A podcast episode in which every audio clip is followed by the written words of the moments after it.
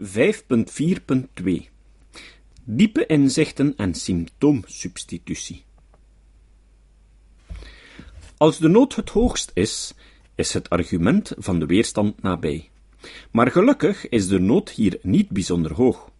Psychoanalytici kunnen immers terugvallen op nog een ander argument, dat al sinds de begindagen van de psychoanalyse furoren maakt.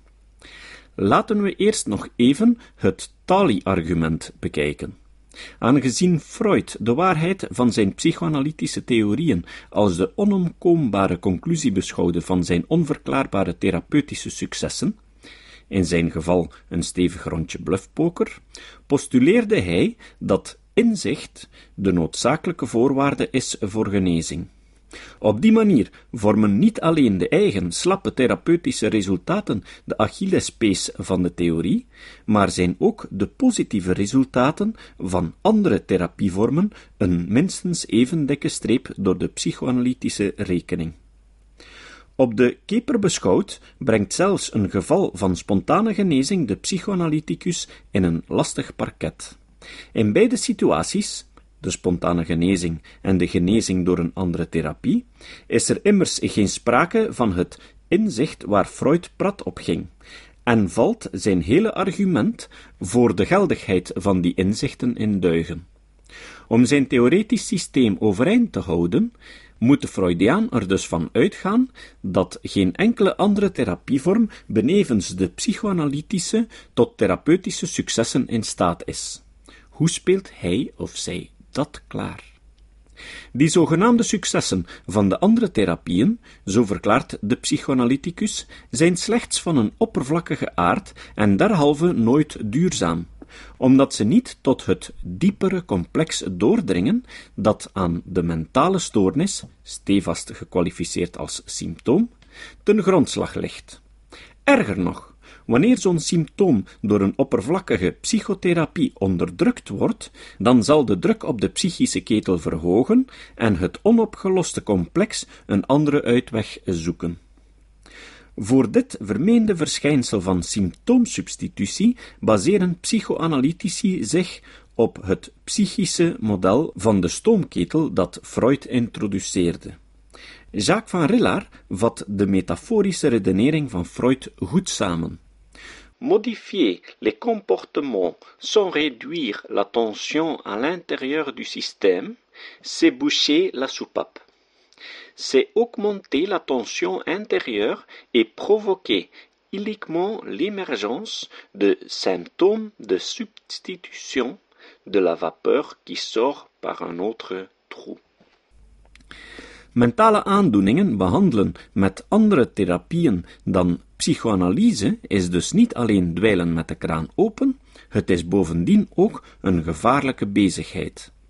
Wie het infantiele of seksuele complex achter de symptomen ongemoeid laat en terzelfde tijd de psychische energie verhindert een uitweg te zoeken, riskeert dat er na verloop van tijd nog ernstiger symptomen zullen opduiken. Dit argument van de diepe inzichten versus de oppervlakkige symptoomonderdrukking heeft een bijna even lange baard als het argument van de weerstand. Anna Freud schreef al: In competition with the psychotherapists, they, analysts, are justified to maintain that what they have to offer is unique, i.e., thorough-going personality changes as compared with mere superficial symptomatic cures. In de eerste helft van de 20e eeuw, tijdens de hoogdagen van de psychoanalyse, werd de theorie van de symptoomsubstitutie zo goed als unaniem aanvaard in psychotherapeutische milieus. De pioniers van de gedragstherapieën, zoals Joseph Wolff, die eind jaren 50 hun intrede maakten en onder meer beweerden dat het mogelijk was om fobieën te behandelen door mensen met hun angsten te confronteren, kregen dan ook serieus wat tegenwind uit de orthodoxe Freudiaanse hoek. Early behavior therapy was regarded with great suspicion by the psychotherapy establishment. By its emphasis on symptom relief, it was all times labeled as extremely dangerous and likely to cause actual harm to patients. Ook tot op vandaag is het argument van de duurzame genezing door diepe inzichten voor een deel van het psychoanalytische veld, dat voorts nogthans uitermate verdeeld is door theoretische geschillen, een gemeenschappelijk geloofsartikel. De ironie van het veld dat dit argument zo'n wijde verspreiding kent, ontgaat de meeste Freudianen helaas.